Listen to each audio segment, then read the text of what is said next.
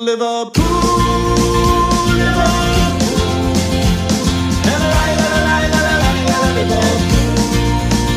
Liverpool. Hej hej, hallå, välkommen till ytterligare ett avsnitt av Total Liverpools podd. Andreas Järp heter jag i precis vanlig ordning och med mig så har jag Thomas Nygren, hallå! Hallå! Och Per Kvist är också med, tjenare! Tjena, tjena.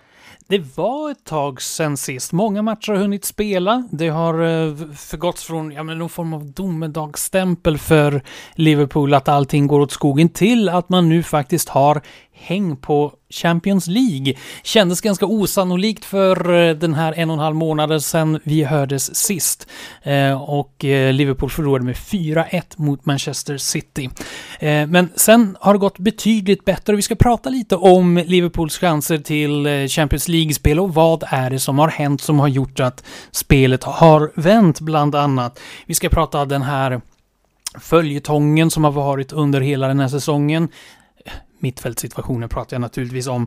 Eh, det blir en Var är han nu? med ett födelsedagsbarn eh, som fyller år idag när vi spelar in det här avsnittet den 10 maj. Vi ska även blicka framåt och se, det är inte så många matcher kvar för Liverpool, så vi ska blicka framåt och en av de här matcherna som gjorde att det började vända för Liverpool ordentligt till den fantastiska, ja inte formtopp är väl dumt att säga, men fina resultatrad var ju ett övertidsmål och det har ju funnits en del viktiga och spektakulära sådana och det ska vara topp 5-listan. Så som ni hör, det finns en hel del att prata om och eh, vi ska väl gå direkt på eh, vad är det som har hänt sen sist? Liverpool återfinns idag då på en femte plats med 35 matcher spelade, 62 poäng och eh, när vi hördes av sist så har man spelat mot eh, Manchester City. Det blev en 4-1 förlust. Man har spelat oavgjort mot både Chelsea och Arsenal. 0-0 respektive 2-2. Vann sedan mot Leeds 6-1, Nottingham Forest 3-2, West Ham 2-1, Tottenham 4-3, Fulham 1-0 och senast var det mot Brentford en seger med 1-0. Och Thomas, det har gått bra nu den senaste tiden. Varför då? Ja, nej, men det trodde man inte att vi skulle sitta i den här sitsen eh, för bara några veckor sedan egentligen. Jag vet när, när Arsenal gjorde 2-0 mot oss i mötet på Anfield. Då stängde jag av tvn och eh, gick iväg en stund. För då kände jag att vad fan lägger jag min tid på det här för? Men sen, sen så har det liksom eh, börjat eh, tugga igång lite grann. Det, det kanske inte har sett sådär jättebra ut spelmässigt men vi har i alla fall lyckats hitta vägar att eh, vinna matcher. Tidigare under säsongen har vi nästan hittat vägar att förlora matcher. Men nu eh, börjar liksom resultaten eh, rulla in och eh, någonstans är det så att vi har ju faktiskt gjort en del, eh, ja, men en del förändringar som eh, har slagit väl ut. Jag tänker att vi kommer säkert komma in på Trents nya roll i laget och eh, vi har ju dessutom fått tillbaka en del spelare som gör att vi kan eh, vi kan rotera lite mer i offensiven. Vi har ju både Jota och eh, Diaz som är välkomna inslag. Vi har eh, Gakpo som börjar eh, hitta rätt i, eh, i Liverpool. Och eh, sen så ja, att det lyfter gör ju också att de här spelarna som kanske har sett lite knackigare ut tidigare under säsongen börjar hitta sig själv igen. Tycker ändå Fabinho har börjat eh, se ut som en fotbollsspelare som eh, man kan uppskatta. Så eh, ja, men Klopp har väl eh, slipat på vissa bitar och eh, fått resultat. Och sen just lite grann att truppen också börjar likna den, den, den ordinarie truppen. Eh, gör ju att eh, främst offensivt att vi kan eh, vi kan slänga in lite... Ja, när vi behöver jaga mål så kan vi slänga in spelare av en helt annan kvalitet än tidigare. Men eh, rent krasst så spelmässigt ingen, eh, ingen fröjd kanske att se Liverpool nu. Men det är någonting har ändå fått laget att gnugga in hem matcherna och ta, ta poäng. Och åtminstone i, under första 15-20 minuterna så där av matchen så tycker jag att man i alla fall kan se spår av eh, det gamla Liverpool. Det Liverpool som ändå Klopp skapade med hög press och bollvinster och högt tempo. Vi håller ju absolut inte matcherna ut. Men eh, vi har i alla fall slutat med det här att vi är bort matchen första kvarten utan istället så är det vi som tar kommandot från början och det är ju en, eh, en trevlig utveckling. Och eh, som du nämnde Thomas så eh, har Trent Alexander-Arnold nu fått en eh, lite annorlunda roll. Tidigare så var han ju en högerback som ja, men bombade framåt, han och eh, Andy Robertson. Men nu så går han in och blir lite mer mittfältare. Per, hur, hur mycket, hur stor betydelse har den här fördelningen fått? Skulle du säga? Jag skulle säga att den har varit jätteviktig det som händer ofta i matchen är ju att Liverpool skapar ett numerärt överläge på mittfältet genom att flytta upp Trent. Som du säger. Och eh, han är ju extremt spelskicklig och ser ju planen väldigt bra. Man har ju givetvis varit tvungen att ibland flytta ut någon annan mer till höger. Det har ju ofta varit Jordan Henderson som har tagit det taktiska uppdraget. Men att få in Trent centralt med hans passningsfot, med hans blick för spelet med hans, ärligt talat, stor, stora hunger att skapa någonting. Att han vill ju verkligen skapa med bollen. Han vill ju framåt, är ju känslan. Han är inte där för att säkerhetsspela. Han är där för att stoppa chanser eller göra mål själv. Han har ju en bra bössa också faktiskt, även om vi kanske inte har fått se mål än. Men det, det känns som att det bara är en tidsfråga. Och det har ju verkligen gjort skillnad i matcherna. Sen så ska man ju också komma ihåg att det är ju lite nyhetens behag eller obehag för motståndarna. För de var väl framförallt de första matcherna var de ju såklart inte beredda på det här laget. Vi har ju sett i de senaste matcherna att motståndarna har försökt neutralisera Trent på ett lite annat sätt och utnyttja de defensiva svagheterna som blottas där på ett lite annat sätt. Men so far so good kan man väl säga om Trents mittfältsspel i bollinnehavet. Men det har ju fått några komplikationer kan man ju tycka. Visst, Liverpool har nu sex vunna vinster och de har väl följt då så länge som Trent Alexander-Arnold har fått sin roll. Men Allison har ju varit oförtjänt eh, delaktig i de vinsterna eh, då försvaret verkar inte kunna täppa till luckan.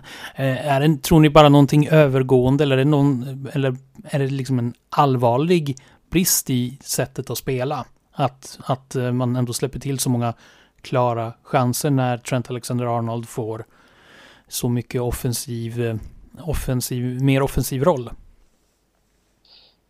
Jag tänker att eh, det är, det är, det är nytt för, eh, för Liverpool just det här att Trent går in så pass mycket centralt. Han har ju alltid varit väldigt offensiv. Eh, men det blir väl någonting som man måste slipa på på mittfältet tänker jag till nästa år. Att få in eh, kanske lite mer tempostarka spelare där som kan hjälpa till att täcka upp bakom, bakom Trent. Och sen kan det också vara så att när vi får in lite andra spelare på mitten så kanske Trent får skjuta flytta tillbaka i sin gamla roll. För vi måste också komma ihåg att en anledning till att han får spela centralt nu har väldigt mycket boll, det är att vi helt enkelt inte har spelare i truppen som, eh, som kan göra det. Eh, för det är ju, det var ju någonstans liksom när, när Thiago föll ifrån och vi hade Keita som föll ifrån och eh, ja, många av de spelare som skulle kanske vara de kreativa på mitten har liksom inte, inte fått det funka i år och då var ju det här ett bra försök att flytta upp Trent och få och se hur han behärskar rollen. Jag tror väl kanske inte att han kommer att spelas in som en ren mittfältare nästa år utan det är väl snarare att han kommer bli som en slags inverterad mittfältare som, eh, som vi behöver få till någon som kan täcka upp bakom och med lite mer löpstarka mittfältare runt honom så tror jag inte att det kommer att vara några problem. Jag tänker att en eh, nu har ju Henderson börjat bli lite till åren, inte riktigt lika löpstark längre, inte heller Milner lika löpstark längre, även om han fortfarande kämpar på. Så eh, de i sin prime tror jag hade varit klockrena runt Trent nu. Så det är väl någon sån spelartyp som vi kanske kan eh, behöva fylla på med för att det ska stärka upp defensivt. Och sen så är det lite grann, det har ju också varit ett problem för Liverpool jämt att när pressspelet inte sitter så blir vi lite öppna bakåt. Det problemet hade vi med Trent även när han spelade i försvaret. Så det är väl kanske inget, eh, inget nytt problem, problem. Så det hoppas jag att eh, Klopp och de andra ledningen har eh, funderat över redan. Sen en sak som, som jag har tänkt på när, när Trent har flyttat in i mitten att han är ju han är ju fantastisk med bollen när han får tid med bollen. Uh, då är han ju ett, ett jättevapen det som man kanske saknar än som många av de allra, allra bästa innermittfältarna har, det är just förmågan att skapa sig själv skapa sig själv tid. För när man ser på en spelare som Thiago när han spelar så känns det alltid som att han har gott om tid på sig och mycket utrymme. Xabi Alonso var också lite igen så att när han, när han spelade kändes det som att han, det var aldrig någon som markerade honom. Um, Trent tycker jag kan, att han eh, att han dominerar mycket i början av matchen och sen att han faller ifrån lite grann. Och det är inte konstigt att inte han har spelat på mittfältet eh, på jättelänge och han har ju aldrig gjort det i Liverpool på seniornivå. Så det är ju inte konstigt att det är på det sättet. Men jag tycker att det är en, en förbättringspunkt hos honom som man kanske får slipa på till nästa år. Att försöka, försöka just de här gångerna som han blir bortmarkerad som man kan bli ibland. Att han eh, lyckas hitta ytor ändå. För kan vi få honom att göra det då kommer vi ha en eh, ja, då kommer vi ha en världsmittfältare i honom inom en ganska snar framtid. Men eh, så, så sammantaget kan man säga att den här rollen nu som Trent Alexander-Arnold fått känns det ändå som att det är en mer permanent lösning mer än bara någon nödlösning som kommer att hålla i tre matcher till. Eh, ska, man, ska man tolka det som så? Per? Ja, det är ju klart att det är en nödlösning på ett sätt, men jag tror att det kommer vara ett taktiskt upplägg som man kommer att fortsätta med nästa säsong kanske inte precis varenda match, men i många matcher. Speciellt matcher där man är spelförande. Mm. Och eh, flytta upp då Trent Alexander med till en mittfältsroll, även om kanske utgångspositionen är högerback. Men just mittfältet har ju varit den stora, långa följetongen och eh, det verkar bli ett rejält uttåg av mittfältare under eh, sommaren. Eh, dels eh, Firmino eh, som anfallare då försvinner. Men utöver, utöver det så har det blivit klart att eh, Keita kommer att lämna Liverpool. Artur, om han nu någonsin var i Liverpool, men han, han har i alla fall sett eh, rehabrummet. Han kommer också att lämna Liverpool efter en mindre lyckad lånesession. Eh, och eh, även eh, apropå rehabfall. Oxlade Chamberlain kommer också att lämna Liverpool och som det ser ut nu med största sannolikhet lämnar även James Milner truppen efter, eh, vad kan det vara, åtta år, många år i alla fall, som eh, en, ja, i början en ganska ifrågasatt free transfer, men man får väl ändå säga att det var värt pengarna vid det här laget. Men i alla fall fyra stycken A-lagsmittfältare. Utöver det så har det ju också framkommit att det blir ingen Jude Bellingham till Liverpool. Vad, vad är det som händer? Hur orolig ska man nu vara? Fyra mittfältare in och det stora transfer som man har liksom laddat upp för i flera år eh, i Jude Bellingham blir inte av. Thomas, vad, hur orolig är du? Um, nej, alltså om man ser till de som lämnar till att börja med så Keita, Arturo och Slade Chamberlain kommer ju inte märka speciellt mycket att de lämnar. Artur är ju man brukar ofta slänga sig med det här, ja men det måste vara den sämsta värvningen som Liverpool någonsin har gjort. I det här fallet får man väl nästan säga att det är svårt att hitta ett, ett sämre, en sämre nödlösning än Artur som var han spelat. Han kommit upp i tio minuter uh, och varit skadad i stort sett hela säsongen. Keita och Oxlade Chamberlain, det har ju varit en stående punkt sedan de kom till Liverpool när de ska komma tillbaka från sina skador.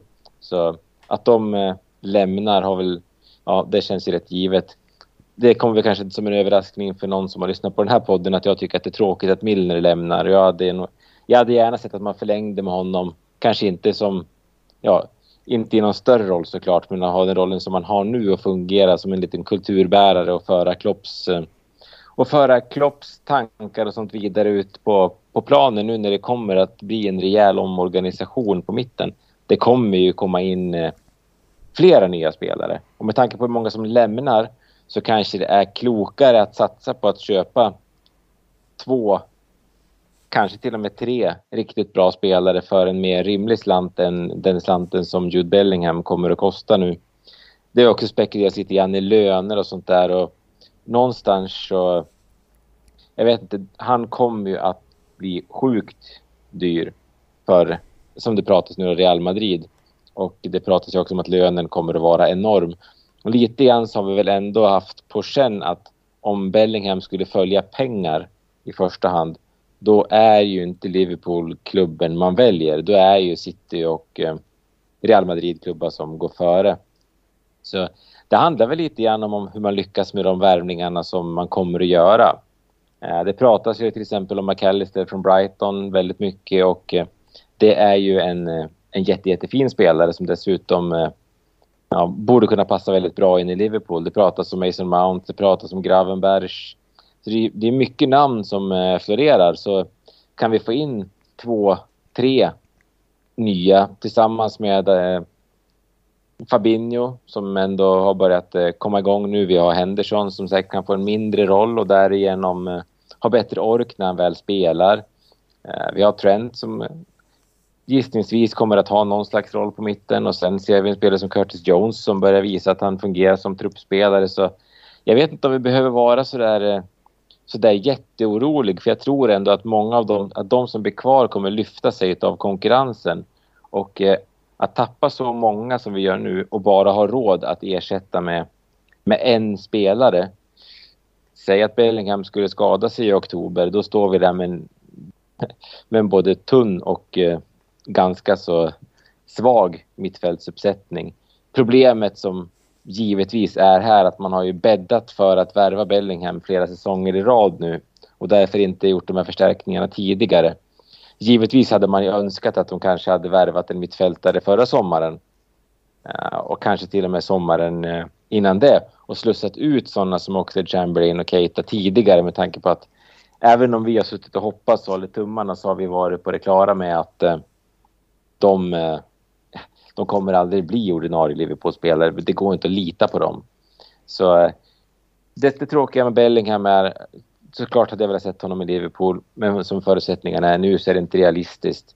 Det borde kanske vår ledning ha insett eh, tidigare och eh, börjat bygga om mittfältet en säsong, eh, en säsong innan. Samtidigt så vet jag att själv och hyllade vårt mittfält inför säsongen så det är också lätt att sitta här med facit i hand och säga att eh, man borde ha gjort någonting. Ja, samtidigt så som supporter så är man ju väldigt pigg på att hela tiden se till nya spelare. Nu så har det ju visat sig att eh, under de här kristiderna så har det ju kommit fram spelare från de egna leden som ändå har lyft sig. Eh, bland annat eh, Bajetic som vi har nämnt tidigare innan han blev eh, skadad. Men Curtis Jones som jag vill minnas vi eh, har pratat om att han måste lyfta sig. Eh, annars har han ingen framtid. Nu under eh, de, den här vinstraden så har ju Curtis Jones fått spela flertalet av eh, av Liverpools matcher. per, hur viktigt har det varit att en sån spelare har eh, ja, lyft sig så mycket som, som han har gjort och eh, har han nu en framtid i klubben? Det har ju varit jätteviktigt såklart nu på slutet att han har spelat som han har gjort. Och anledningen är ju enkelt, enkel. Curtis Jones, precis som Bajsetic innan säsongen, vinner ju dueller. Och det är ju extremt viktigt att vinna dueller för att det här pressspelet ska bita helt enkelt. Om man inte vinner dueller då erövrar man ju heller inte bollen. Så det blir, då genererar ju inte pressspelet i några bollerövringar. Och det är det som vi har sett tidigare under säsongen. Får man kolla på strukturen på mittfältet så är det väldigt många de är för gamla inom situationstecken eller för unga. Och då menar jag inte att de är... Ja, de är ju inte extremt unga och de är ju inte hur gamla som helst. Men det är ju väldigt krävande att spela det här kloppspelet. Och det kanske är naturligt när man uppnår en viss ålder att man inte längre orkar spela en av de mest, det mest krävande spelet rent fysiskt. Det är ju egentligen inget konstigt med det. Så man har ju hamnat i en situation där väldigt många är gamla eller unga och de som ska vara i sina bästa år som kanske Keita, Oxlade Chamberlain, Artur är väl egentligen också en sån som är en bra ålder. De har ju varit skadade egentligen hela tiden och inte tillfört någonting. Så att strukturen har ju blivit knas på något sätt. Och en spelare som Curtis Jones har ju såklart en framtid i truppen i alla fall. Det är svårt att säga om han någonsin kommer bli helt ordinarie. Men han kommer ju vara en spelare som man kan kasta in och fortfarande ha ett bra pressspel. Hans problem är väl egentligen främst skador och kanske spelet med boll där han tar lite för lång tid på sig. Men spelet utan boll har varit bra och sen ska man ju vara helt ärlig och konstatera att han är ju en sån här homegrown spelare och i hans fall även club trained som man brukar prata om. Alltså att han är en Liverpool-produkt enligt Uefas definition och sådana spelare om du är en av de största klubbarna så vill du ju hålla väldigt hårt i sådana spelare. För att det är inte lätt att få fram akademispelare som man kan kasta in och som fyller en funktion som Curtis Jones gör i pressspelet. Så att absolut har han varit viktig, men det beror ju också på att ja, en del andra spelare inte riktigt håller måttet längre tyvärr. Betyder det här då att eh, Liverpool kanske kan spara pengar och eh, införskaffa färre mittfältare än vad tanken har varit tidigare? Eller står den planen fast att man fortfarande ska värva men, tre, fyra mittfältare? Eller hur, hur ser du på, på det? Nej, jag ser väl det som att man behöver tre mittfältare ändå. Eh, och det är en i... Ja, spelare är såklart flexibla och kan spela lite olika roller, men Eh, rent krasst så behöver man en ny på varje av de här tre mittfältspositionerna man har, tycker jag. Men sen är det ju klart att man kanske inte behöver tre startspelare. Men man behöver nog ett par startspelare och en tredje som breddar truppen. Men däremot så kanske Jones kan spara pengar i ett senare skede. För att det är ju... Man tänker sommaren efter till exempel så går ju Thiagos kontrakt ut. Hur gör man då? Kommer Jones att ha slagit sig in mer då om man har varit skadefri nästa säsong till exempel? Då kanske man har mittfältare då, men jag tror inte att det påverkar planerna nu. Och en av de eh, mittfältare som ryktas ganska flitigt in till Liverpool är eh, McAllister och eh, Per, vad, vad är det för spelare? Skulle du säga. Hur, hur skulle han passa in i ett Liverpool och vilken roll skulle han kunna ta? Jag tror att han skulle ta rollen i mitten bland de tre, om man säger så. Han är väldigt spelskicklig. Extremt skicklig i uppspelsfasen, hittar bra lösningar på små ytor.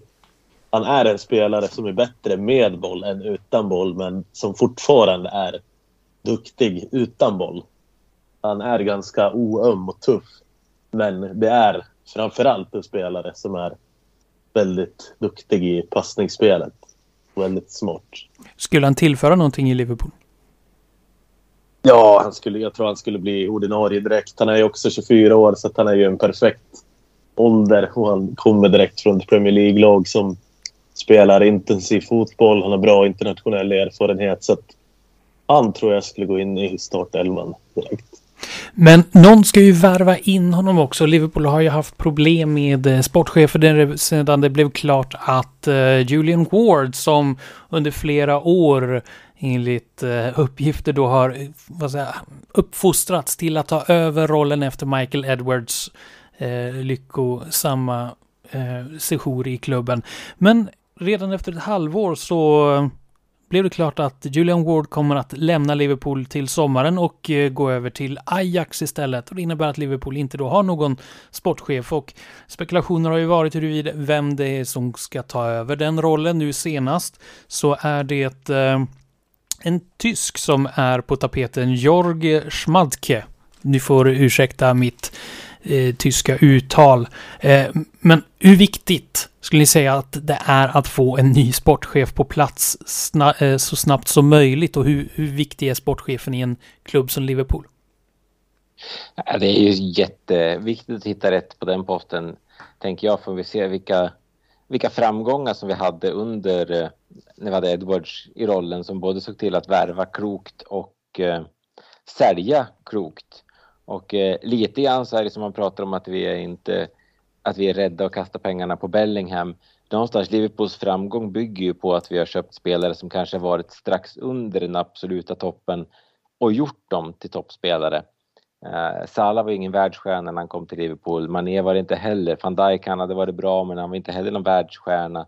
Men när de har kommit till Liverpool så har de tagit nästa steg. Och eh, har man en skicklig sportchef och klart bra också, bra också scoutingverksamhet och sånt. Så det är klart, då är den typen av eh, affärer eh, lättare att få till. Och dessutom så har det också varit att många av Liverpools värvningar har ju kommit lite i skymundan. Det är få värvningar som har gjorts efter att det varit en sån ryktesflora som det var runt Bellingham utan det mer har varit sånt som kom, eh, ja, inte från ingenstans men lite, ja, åtminstone, åtminstone lite överraskande. Så en, en skicklig sportchef som kan sköta affärerna utan att allting läcker ut i pressen och eh, göra bra både försäljningar och köp är ju någonting som är viktigt för Liverpools, eh, för Liverpools framtid om man ska fortsätta slåss i toppen. För lite grann som vi ser problemet den här sommaren, så vi pratade tidigare om spelare som lämnar. Och alla det är ju spelare som vi inte kommer få ett öre för. Uh, tidigare så när spelare har gått så har vi ju fått mer pengar än vad, vad som har varit befogat. Du minns ju vad vi fått för Rian Brewster och Dominic Solanke och Jordan Ibe och vi sålde ju liksom, mm, relativt mediokra spelare för riktigt höga summor ett tag. Och det är också någonting som vi har tappat på slutet. Så att vi får in eh, en, en skicklig man, en skicklig grupp på den eh, positionen är ju någonting som är, eh, som är jätteviktigt. Så nu han tysken som ändå verkar kommer att komma in. Jag, jag tror att jag inte var enda Liverpool-supporten som satt mig och googlade på det namnet häromkvällen när jag såg att ryktet började ta fart. Uh, det låter ju... Det var väl inte jättemycket lovord som man kunde hitta runt honom. Men det låter ju som att det är, eh, som att det är Klopps val i alla fall att han ska komma in och eh, med tanke på allt Klopp har gjort för den här klubben så förtjänar han väl att vi, vi litar på honom i hans, i hans omdöme här. Men det, det får väl kanske inte fortsätta så länge till att vi har eh, den här typen av eh, transfer-sagor som har varit på slutet där vi värvar eh, lite, där vi inte får igenom de här stora värvningarna som det pratas om och kanske främst att vi säljer utan att få speciellt mycket tillbaka. Ja, och det som har skrivits då om Jorg Schmatke som jag har sett är att eh, eh, duktig på att hitta spelare men riktigt bråkstaka och svårt att, eh, att eh, vara runt människor är väl kontentan av vad jag har hört. Så det låter ju väldigt märkligt att ha en sån person till sportchef. Men man får väl då hoppas att eh, Klopp eh, och han kommer överens, för det är väl ändå det viktigaste. Får man väl säga. Per, vad, vad, vad ger du åt, den här, åt de här ryktena som är då runt eh, Jörg Schmatke? För det första så verkar det ju stämma att han kommer in, så det verkar ju vara sanna rykten så. Det var ju någonting konstigt som hände där med Ward, både i Liverpool och sen blev det ju faktiskt inget Ajax för honom till slut heller. Ehm, men det som jag konstaterar är väl att det här som Thomas var inne på så är ju Schmadke, det är ju Klopps gubbe. Ehm, ja, lite med betoning på gubbe för att han är ju i 60-årsåldern så att han är ju en väldigt erfaren person som har varit sportchef i flera olika tyska klubbar. Kanske lite mindre klubbar, definitivt mycket mindre klubbar om man jämför med Liverpool. Sen tror inte jag att han kommer vara någon slags transferdiktator i Liverpool. Visst så kommer han att ha ett input, men jag tror väl främst att han kommer att vara den som förhandlar. För Liverpool jobbar ju fortfarande mycket med ja, transferkommitté kallar man det förr i tiden, men eh, det är väl ett teamwork kan man säga med rekryteringarna. Så att jag tror inte att det kommer bli någon drastisk skillnad så och jag tror att de eh, som man tänker sig värva i sommar har man redan identifierat för ganska länge sedan. Så jag tror inte att det kommer bli någon helt annan sommar bara för att han kommer in i mixen så att säga. Men det är definitivt en förstärkning på den sports, inom den sportsliga organisationen. Och även om du säger eh, att man har läst lite att han kanske kan vara lite av en bråkstake så känns det väl som att Klopp och han, de, de är bekanta sedan tidigare, rapporteras de. Och det kommer säkert gå bra på den fronten, för det är jag inte jätte orolig för. Det är också en fantastisk chans för honom att komma i Liverpool kan man ju konstatera med tanke på att han har varit i betydligt mindre klubbar innan. Så att, ja, jag tycker det känns spännande. Sen är det ju såklart med tanke på åldern och så, så är det ju inte en person som kommer vara där i 10-20 år. Men Ja, han skrev väl tre år och det är väl lika långt, eller han förväntas väl skriva tre år, förlåt, och det är ju lika långt som Klopp har kvar på sitt kontrakt. Så det känns ju logiskt. Och det blir någon form av kontinuitet i så fall om det nu kommer någon ny person inom kort. Och Jörg Schmatke kan ju då vara en av dem som, eh, som eh, blir ny, då, ny sportchef i Liverpool. Eh, Ska vi göra som så att vi, vi lämnar liksom skvaller och, och, nyheter och sen så kan vi fira ett födelsedagsbarn för det har nämligen blivit dags för eh, var är han nu? Vi tittar tillbaka på en eh, spelarkarriär hos en spelare som en gång i tiden har varit i Liverpool och den här gången Thomas handlar det om en av alla dessa fransmän som har huserat i klubben. Ja, precis. Det är ju ändå så att den, eh, den nya Zidane fyller eh, 45 idag, den 10 maj. Och det är ju såklart någonting som vi bör eh, uppmärksamma. Um, överlag så är det väl så historiskt att alla spelare som klassas som den nya någonting är ju sånt som man ska, ska passa sig för. Men det visste ju inte Gerard Houllier när han eh, kallade Bruno Cheirou för den nya Zidane. När man värvade in honom från eh, Lille sommaren 2002. Uh, ehm, han hade ju då eh, i de krokarna precis gjort sin eh, landslagsdebut och var väl ändå ett hyfsat aktat namn i, i franska ligan. Eh, och eh, under den här tiden som Houllier tränade Liverpool då var det ju väldigt, väldigt många fransmän som, eh, som kom till klubben. Inte alla blev succéer. och det är väl någonstans i den kategorin som vi får placera in Bruno Cheirou. Han hade en tuff första säsong i Liverpool där han både fick sitta på bänken en del och när han väl spelade så fick han det inte att lyfta. Eh, uh, Holier eh, lättade på pressen genom att säga att uh, Robert Pires hade inte heller så bra första säsong i Arsenal. Uh, så när andra säsongen kom så fick vi se Giroud i alla fall göra sina två enda mål i ligaspelet i Liverpool. Det som de flesta minns av honom är väl antagligen det här vinstmålet borta på Stamford Bridge när Liverpool vann med 1-0 mot Chelsea. Sen satte han faktiskt ett mål mot Wolverhampton några veckor senare. Men eh, det var ju ganska tydligt att Cheiro aldrig skulle slå igenom i, i Liverpool. Man hade höga förväntningar när han kom men med tiden så förstod man att det här är inte en spelare som är, eh, som är bra nog helt enkelt. Så han lämnade redan 2004 på lån till, eh, till Marseille, fortsatte på lånecirkus till Bordeaux innan han hamnade i, ja nu är det till ett eh, franskt här som René, René kanske, Stade René som han var mellan 2006 och 2010. Surfade runt till eh, cypriotiska ligan innan han kom tillbaka till Nantes 2010 och eh, därefter så, så la han ner sin eh, professionella karriär eh, och spelade i, i Nantes. 2012 så, så la han ner och blev istället konsult för Bean Sports. Och eh, sen så har han eh, surrat runt lite grann på lite olika poster inom olika klubbar. Men eh, eh, Holier som värvade honom till, eh, till Liverpool plockade tillbaka honom in i eh, Lyon under en period så att han fick jobba mm, som med lite scoutingverksamhet och sånt i Lyon. Det här var efter att han hade varit scout även i, i Nantes faktiskt och varit inne lite grann i PSGs damverksamhet.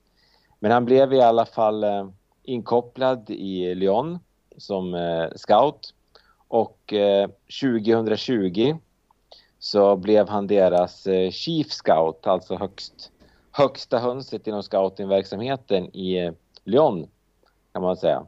Och eh, nu det senaste som har florerat runt honom är att han, eh, det ryktas om att Bruno Cheirou ska ta över som sportchef i eh, Lyon.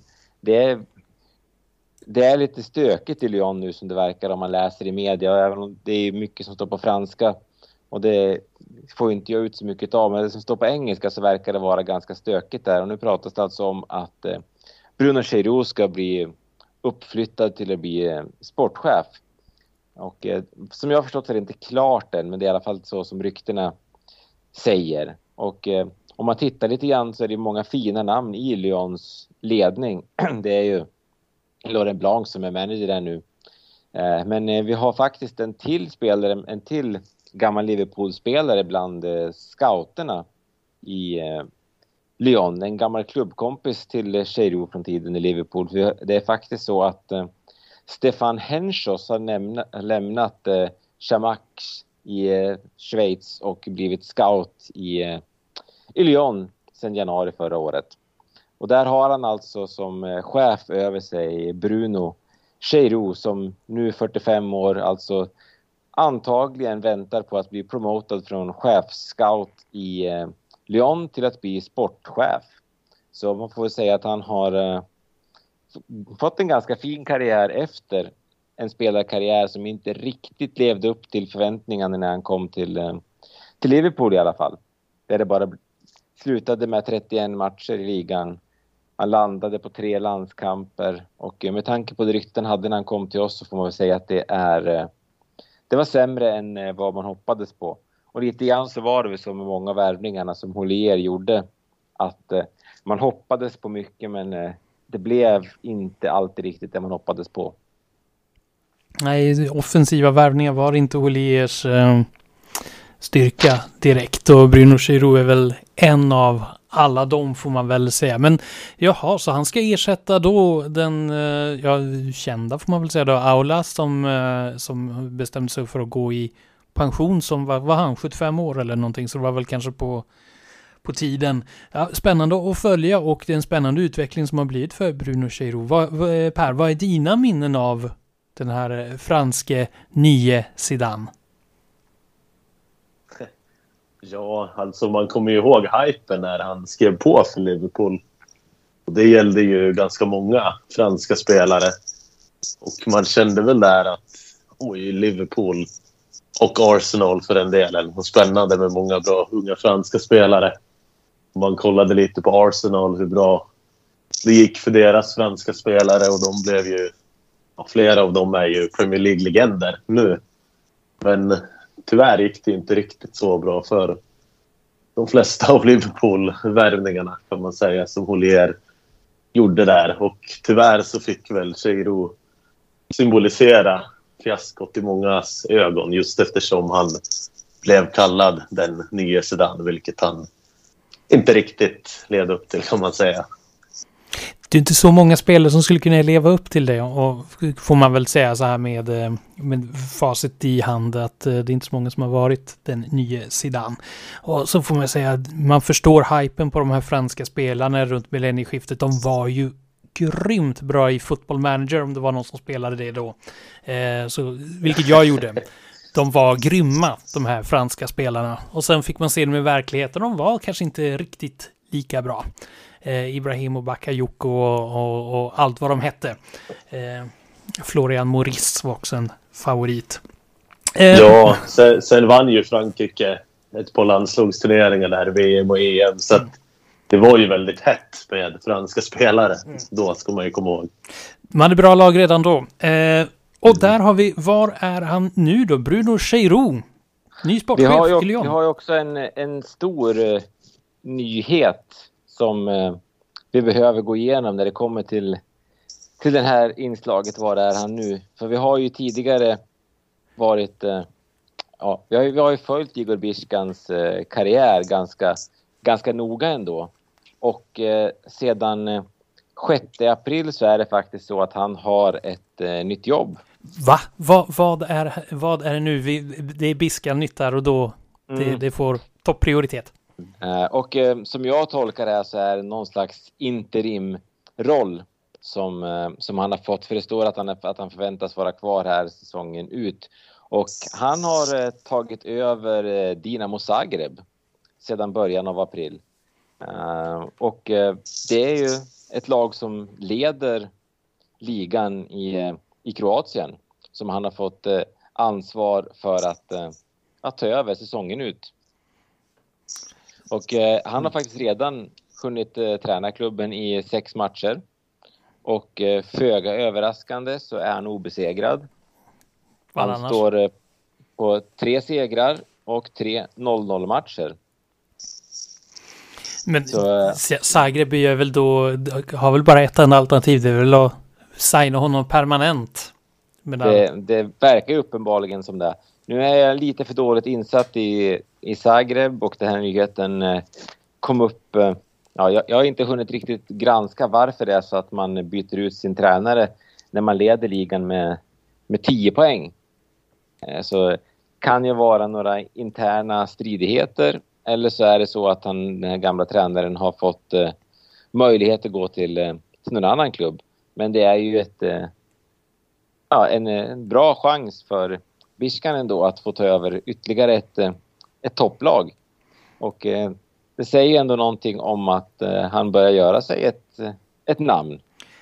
Ja, så vi, det, vi gör helt klart rätt som tar rygg på Igor Biskan, tidigare Eh, ja, U21 eh, landslagstränare för Kroatien, nu då Dinamo Zagreb och även ligavinnare i någon annan klubb som vi nu har glömt bort. Så det, det börjar på att fyllas på det där CVt. Det kan vi slå fast.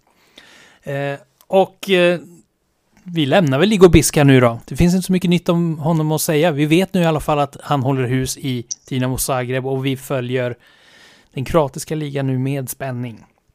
Eh, och sen så eh, blickar vi framåt eh, ännu mer. Det är ju egentligen bara, det är bara, gud nu ska vi se här, hur många matcher det är kvar? Det är tre matcher kvar för Liverpool nu när vi spelar in den här podden. Det är den 10 maj idag och eh, Liverpool har kvar att möta Leicester på bortaplan, Aston Villa på hemmaplan och Southampton på bortaplan. Och det ska sägas att Liverpool i dagsläget har en poäng upp till Manchester United som dock har en match mindre spelad. Och det ska sägas att Manchester United har eh, Wolverhampton kvar att spela hemma, Bournemouth borta, Chelsea hemma och Fulham hemma. Och eh, den givna frågan är ju då Per, hur stora är chansen att Liverpool tar det där steget från en femte plats till en neslig femte plats till en härlig fjärde plats? Ja, jag tror väl inte att de är så jättestora för att man ligger ändå på, man har ändå ett ganska dåligt utgångsläge. Dessutom är det ju två bortamatcher kvar och bortaspelet har ju varit bedrövligt under säsongen. Även om man har tagit två nu på slutet så har man ju bara vunnit fem under hela säsongen på bortaplan, vilket är uruselt. Men det är framförallt United. Jag har lite svårt att tänka mig att de skulle rasa ihop totalt, men samtidigt så är de ett sånt lag som kanske har den negativa potentialen med tanke på skador på backarna, med tanke på att de Gea och några andra spelare kan ju ge bort vilken match som helst känns det som. Men jag skulle väl ändå säga 25-30 procents chans att Liverpool kommer fyra om man ska leka med procentsatser. Ja, 0-1 eh, mot West Ham, det imponerar inte. Eh, och 0-1 mot Brighton är väl inget katastrofresultat för Manchester United, men det är ändå inte några, någonting man tar sig till Champions League med. Bet- Liverpool har ju en betydligt bättre eh, statistikrad än Manchester United i dagsläget. Vad, vad tror du Thomas? Hur optimistisk, pessimistisk känner du dig för att Liverpool ska kravla sig upp till en fjärde plats? Ja, men alltså det är klart att det är inte... Det känns inte som att chansen är jättestor. Eh, men första är att vi, vi måste ju gå rent. Vi behöver ju vinna de här tre sista. Och skulle det vara så att vi lyckas gå rent och, eh, så, och Newcastle eller United förlorar en match igen ganska snart, ja, men då är det ju ändå lite spänning ändå som det kommer vara inför slut, inför de allra sista matcherna. Eh, men eh, jag ser väl inte, jag ser väl inte det som jätte troligt just nu ändå att de ska rasa samman så. För det är ju ändå, vi har ju både poäng att ta igen och eh, en match mer spelad. Så eh, det kommer ju krävas, eh, det, det kommer krävas väldigt mycket av oss och det kommer krävas att de, att de går på de går på några nitar. För om man kollar på spelschemat så är det väl ingen av dem som har såna här eh, omöjliga matcher kvar. Jag vet att Newcastle går väl in och möter Leeds borta i helgen till exempel. Och det är klart ett lag som kämpar för uppflyttning eller för, inte, för att inte åka ur, ny tränare. Kanske kan de skrälla och slå Newcastle och skulle vi då vinna våran match så ja men då, klart, då blir det, då blir det darrigt för ett lag som inte har varit i Champions League på oerhört länge. Så det är klart att det, det är inte omöjligt, men ja, men säger man 25-30 procents chans så är det i alla fall 25-30 procent mer än vi hade gett Liverpool för tre, fyra veckor sedan. Mm. Eh, det ska sägas att eh, Newcastle har kvar att möta då Leeds, som du sa, de har även Brighton, Leicester och Chelsea kvar att möta. Eh, och eh, om vi då, apropå Brighton då, om man kikar ner i tabellen så är ju då Brighton har ju 55 poäng, två matcher mindre än spela, eh, två matcher mindre spelare än Liverpool då, som har eh, 62 poäng. Så att man är om nu Brighton vinner båda de där matcherna så är man en poäng bakom Liverpool. Eh, och eh, även Tottenham eh, ligger bakom och Liverpool närmast på 57 poäng, lika många spelade matcher. Eh, hur stor ser ni då risken är att Liverpool tappar den här femteplatsen som ändå då garanterar Europa League-spel?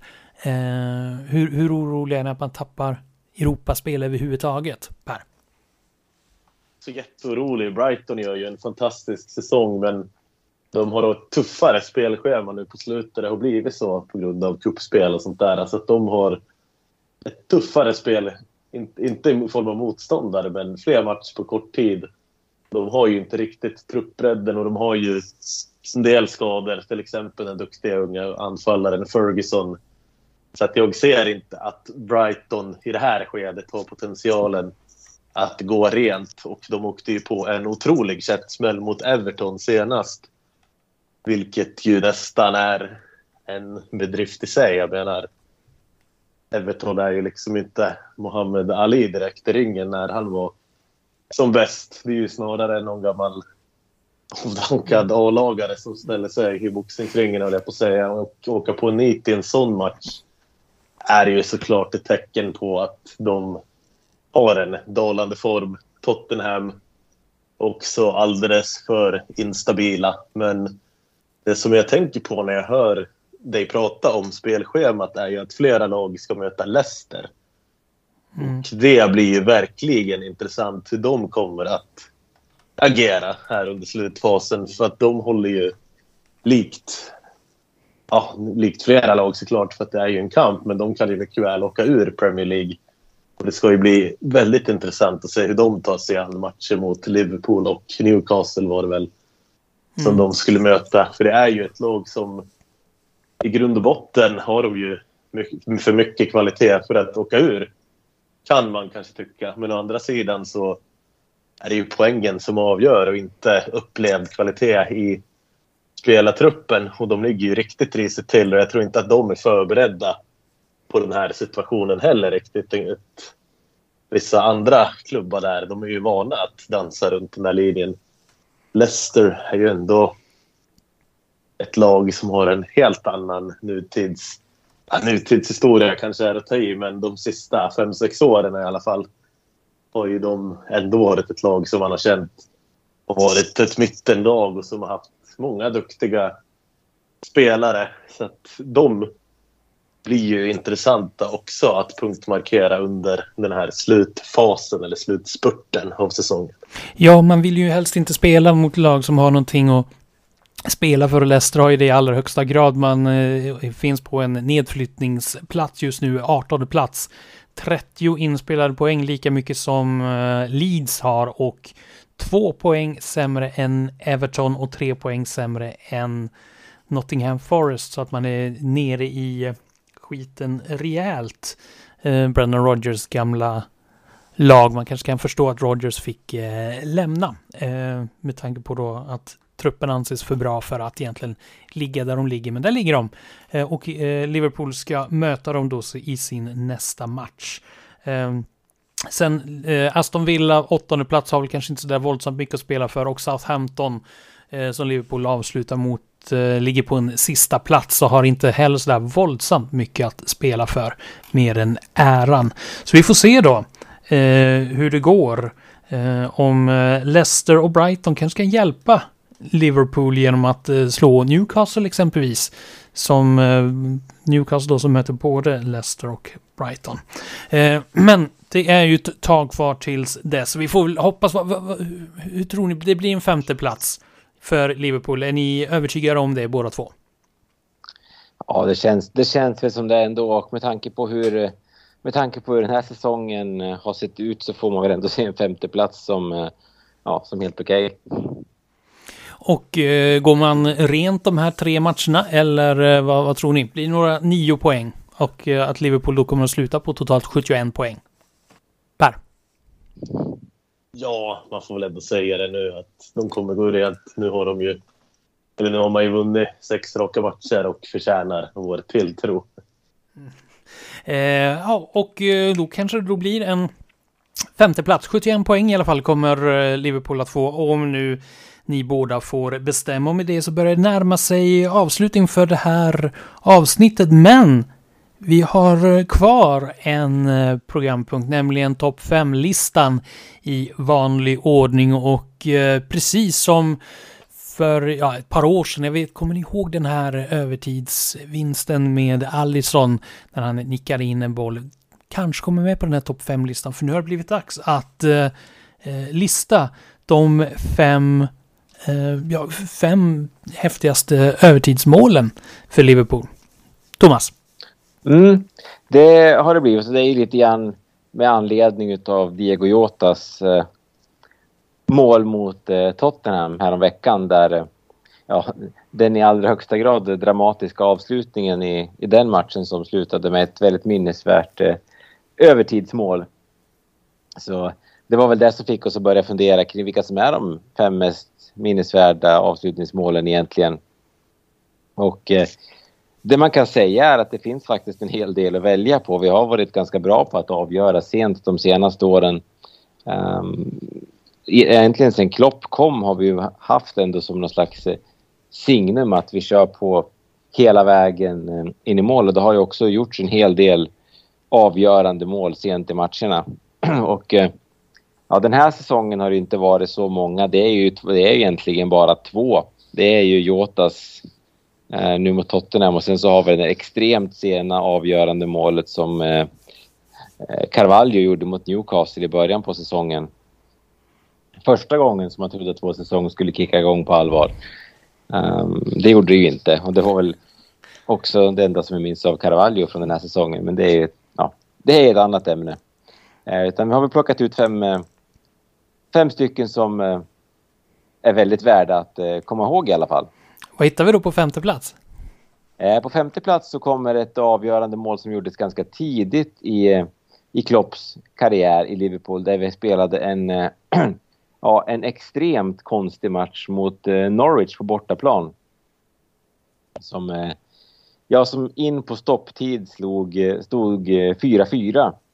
Men i en väldigt tilltrasslad situation så kommer en av en av de senaste årens stora hackkycklingar, Adam Lalana, och drämmer till bollen på halvvolley så att den eh, ja, studsar i marken och går in i i målvaktens eh, vänstra hörn. Och det var ju som en kickstart på Klopps eh, karriär i Liverpool egentligen. För firandet efteråt när glasögonen rök och allt det här. Det var ju någonting som... Eh, ja, det är ju någonting som man minns väl. Men det var ju inte det tidernas viktigaste match att lyckas slå Norwich. Men eh, just målet i sig, firandet. Eh, det var ändå någonting som man, eh, som man kunde ta med sig. Och eh, jag vill också minnas att det var i den matchen som vi kastade in Steven Coker i anfallet eh, i slutskedet. Kan det stämma? Jag tänkte faktiskt exakt samma tanke när du nämnde just det där så att eh, då kanske det stämmer om det är två stycken som, eh, som tror, tror det. Ja. Mm, det kan, kan vara så. Jag lyssnade nyligen på en podd där han var med faktiskt. Jag tror ni har ah. Det är faktiskt ett, ett lustigt sammanträffande här att den matchen innan som Liverpool avgjorde på övertid, det var i oktober 2014. Och det, det var då ett eh, självmål som Liverpool vann på. Och den som gjorde det självmålet var Steven Coker. Så eh, han hade en fot med i både det målet som, när vi vann mot Queens Park Rangers sent och när vi senare avgjorde mot eh, Norwich sent. Så han kanske inte var en så konstig eh, inlåning ändå då? Jämfört med Artur så var det en succévärvning. Eh, då antar jag att Artur inte är med. Nej, han har inte en chans att vara med på plats nummer fyra. Nej, på plats nummer fyra kommer, kommer vi en... Ja, men det är väl ändå en eh, kultspelare som har letat sig in på plats fyra. Och det här matchen spelades på nyårsdagen 2018. Liverpool hade en, den här matchen per år, på året som man absolut inte såg fram emot när de skulle spela mot Burnley borta under ett tajt spelschema. Och eh, ja, det stod i alla fall 1-1 långt in i den matchen. Men i slutskedet så fick Liverpool en frispark där man drog in bollen i straffområdet. Och eh, om jag minns rätt så är det först Dejan Lovren faktiskt som nickar bollen mot mål. Och eh, när den är väldigt nära mållinjen så kastar sig eh, Ragnar Klavan fram och trycker in segermålet i den 94 minuten. Och det var ju, det var ju otroligt vackert att se honom stå där som matchhjälte efter, att ja, efter den tiden som han hade i, i Liverpool. Det var ju, det var ju få som, som var glad åt att se Ragnar Klavan spela, även om han så här i efterhand har blivit en, ja, men en kultspelare. Så eh, det var ju en oväntad värvning när han kom. Och eh, ja, här var han i allra högsta grad en oväntad matchhjälte. Ragnar Klavan oväntad överlag kan man väl då säga. Mm. Eh, oväntat då på plats nummer fyra. Är det lika oväntat på plats nummer tre? Ja, plats nummer tre var väl lite knivig tycker jag, för det är många sådana här... Uh, alltså överlag så är det ju många av de här målen som man, som man minns väl. Uh, men jag fastnade ändå för att sätta in ett straffmål från 2014 här i slutet på tredje plats. Det är straffmålet som Steven Gerrard gjorde mot Fulham borta under den här säsongen som vi jagade ligatiteln under Brendan Rodgers. För någonstans var det här som man började känna att fan, det kanske är på allvar. När eh, vi låg under med 2-1 och kvitterade ändå relativt sent genom Coutinho. Och sen på tilläggstid så fick vi en straff som, eh, som Steven Gerrard tryckte in. Och eh, den säsongen slutade ju såklart tråkigt. Men eh, vägen fram till den här eh, sorgliga halkningen som Gerard gjorde och titeln som rann oss ur händerna och allt det här var, var trevlig. Och just eh, det här straffmålet minns jag väl att då kändes det liksom som att, att det kanske skulle kunna gå. Det är ingen omöjlighet att vi ska vara med i toppen. De brukar ju ha det, de här eh, övertidsmålen, eh, en, en sån vet vitaliserande effekt på, på trenden på klubben. Gäller det även på plats nummer två? Eh, alltså de, de två eh, i toppen, de var ju väl, väldigt svåra att eh, skilja åt. Tycker jag. Det kommer kanske inte komma som en överraskning för eh, någon vilka som är de här två eh, toppplatserna. Men på andra plats har vi, har vi ändå satt det, ja, det häftigaste mål som jag upplevt på Anfield live någon gång. Kanske inte det vackraste men tveklöst det som har eh, givit mest jubel och det är ju Origis konstiga avgörande mål mot, eh, mot Everton. Där eh, bollen ligger och studsar på ribban några gånger efter att Pickford har sett till att den inte, gick, inte gick ut. Och sen så kommer Origi direkt från frysboxen och eh, knoppar in 1-0. Och det är ju såklart, det var ju ett, eh, ett, oerhört, ett oerhört speciellt mål i ett eh, derby i 96 minuten. Så det är ju, ja, det är ett sånt där mål som jag kan garantera att alla Liverpool-supportrar eh, tänkte på när man funderade över klassiska övertidsmål. Ja, apropå kategorin kultspelare, vi nämnde tidigare Ragnar Klavan, men eh, Origi eh, får väl sägas absolut är en sådan. Eh, och på plats nummer ett, vad hittar vi där? Ja, det kan, det kan ju bara vara ett mål som tar den här platsen. För någonstans... Um, vi har ju jagat Champions League tidigare. Eh, uh, 2020, säsongen 2020-2021 var ju ett sånt år där vi kom tillbaka efter att ha gjort en riktigt uh, dassig säsong på många sätt. Och i slutet av säsongen så behövde vi vinna mot West Bromwich borta för att ha kvar försprånget om Champions League-platsen. Och eh, när vi då får en hörna på övertid så då springer han ju upp, världens bästa målvakt och visar att han dessutom är en förbannat bra huvudspelare. När Allison nickade in 2-1 där 95 minuten, då tror jag att vi var väldigt många som antingen jublade eller bara stod eh, mållösa och funderade vad fan det var som hände egentligen. Men Allisons avgörande mål mot West Bromwich får väl ändå ses som en, eh, en given etta här. Och om man, gjorde, om man fortfarande gjorde frimärken med sporthändelser så borde väl ändå Allison när han går upp och nickar vara ett givet frimärke för alla som vill skicka post till, till och från Liverpool. Ja, det finns väl inte så mycket att, att diskutera om, eller vad säger du Per? Nej, men så är det ju. Det är ju otroligt speciellt när du målvakt gör mål. Och jag satt och fantiserade lite om Origi. Ja, det där kanske lät lite konstigt, men han är ju fortfarande kvar i Champions League den här säsongen.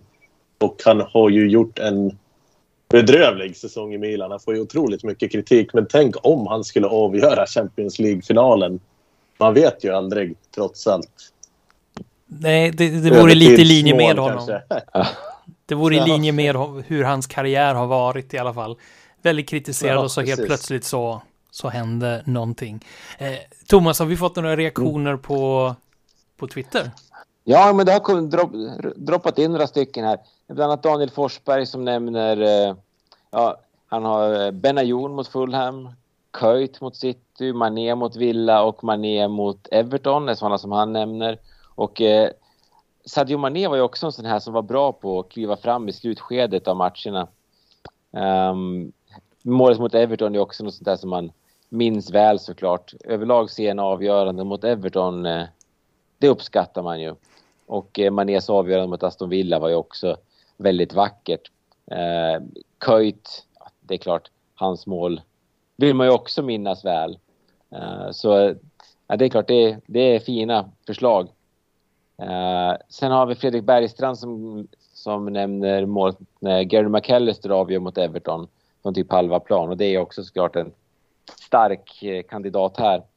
Ehm, och eh, Jonas Jägers nämner en eh, 97 minutens kvittering mot Arsenal som Martin Skertel knoppade in. Och det är ju också ett, ett sånt där vackert nickmål när eh, Skertel kvitterar och dessutom har han ett bandage runt huvudet. Och det finns ju ingen som klär i ett bandage så bra som Martin Skertel.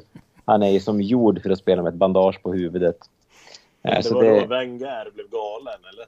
Visst var det då? Ja, det kan mycket väl stämma. Tills han tittade på Skertel, då blev han mest rädd tror jag. Sen eh, eh, Jonas Jägers nämnde ju också eh, Origis mot Everton såklart. Petter Johansson nämner Lalanas mot Norwich och eh, sen så är han även inne på Lovrens mot eh, Borussia Dortmund och det är klart, nu har jag mest fokuserat på Premier League här men Lovrens avgörande mot Dortmund det är också fantastiskt. Ytterligare en sån här spelare som fått så jäkla mycket kritik men ändå får sätta, sätta liksom sin prägel på Liverpools historia med ett viktigt avgörande mål i en, en klassisk vändning. Vi har eh, Christian Andersson som också nämner Steven Gerrard i FA-cupfinalen mot West Ham. Och det är också såklart det är en riktig klassiker och man får väl säga att det faller utanför eftersom det inte var, inte var Premier League. Eh, nu kan jag ha varit otydlig när jag skrev ut ämnet. Eh, men det är såklart också ett sånt här mål som alla som såg det kommer ihåg det. Det var en... Eh, ja, det var ett otroligt vackert mål. Eh, sen kan vi säga, ett mål som jag var sugen på att ta med som jag ändå minns väldigt väl. Det var ju ett av de få målen som Neil Mellor gjorde när han spelade i Liverpool. Det sena avgörandet mot Arsenal med ett långskott 2004. Det är också sån ett, en riktig, en riktig Liverpool-klassiker. Så vi har varit rätt bra på att avgöra sent, får man ändå säga, under, under, under speciellt under de senaste tiden sen Klopp kom, men även under, eh, under 2000-talet. Ganska, ganska trevligt så här i efterhand, men i, under, eh, ja, under de matcherna väldigt sällan trevligt. utan mer bara befriande. Men eh, med det så börjar det på bli dags att knyta ihop det här avsnittet. Nästa gång vi hörs så är det dags att eh, summera säsongen 2022-2023. Det Känns som en skräckblandad upplevelse att behöva se tillbaka på den här säsongen som har varit ganska mycket ner, ganska mycket ovisshet, men ja, en del ljusglimtar finns det säkert. Men ni har ungefär, eh, kan det vara en månad kanske, att eh, fundera, Thomas och Per, på vad, vad ni tycker är värt att eh, lyfta upp över den här säsongen. Under tiden, vad, vad, hoppas ni på nu då under de här tre matcherna som är kvar? Vad, vad, om ni fick välja en bra placering eller ett eh, bra spel? Det handlar ju någonstans bara om placering trots allt för att komma topp fyra är ju så sjukt viktigt. Och sen ska jag väl säga det att vi har ju jag satt och tänkte på det nu, att vi har ju haft ett mycket Dejan Lovren-tema i den här i just det här avsnittet. Thomas nämnde just ett övertidsmål där. Så pratar vi om Bruno Cheiro som är, kanske blir sportchef i Dejan Lovrens klubb Lyon. Så pratar vi om Igor Biskran som tränar Dynamo Zagreb, också en tidigare Lovren-klubb. Och så pratade vi om lite defensiva problem och det är väl också en Lovren-association på något sätt. Så att mycket Lovren, men det tror jag inte det blir någonting om i säsongssammanfattningen. Får hoppas det. Det är kul att du nämner Lovren, för jag tänkte, tänkte på honom i helgen, för det var, nu minns jag inte exakt vilket lag det var Lyon mötte, men det var en sjuk match i alla fall som Lyon vann med 5-4. Och det var så fint just det målskyttarna, för det var två fyra målskyttar, en i vardera lag. Så det såg så fint ut liksom i grafiken. Och så var den enda som var inne och förstörde det var Lovren som gjorde, gjorde det femte målet för Lyon. Så det var inte så det, han, det blev lite osynkat där, men han fick ju vara med och bidra till att eh, Lyon vann matchen. Så det kanske, och det var väl antagligen viktigare för dem. Än att det var osynk i, eh, i ja. resultatet. Ja, jag har en känsla av det, men kan inte, kan inte garantera, var ju inte där. Eh, men eh, så vi kommer att eh, höras vid om en dryg månad skulle jag gissa och då sammanfatta eh, säsongen hur den har varit. Fram tills dess då Thomas Per, tack så mycket för den här gången. Tack, tack. Tack, tack. Och tack till dig som har lyssnat och jag hoppas att vi hörs snart igen. Jag är Andreas Järpe, jag tackar för mig. Ha det så bra. Tills nästa gång. Hej då. Liverpool, Liverpool.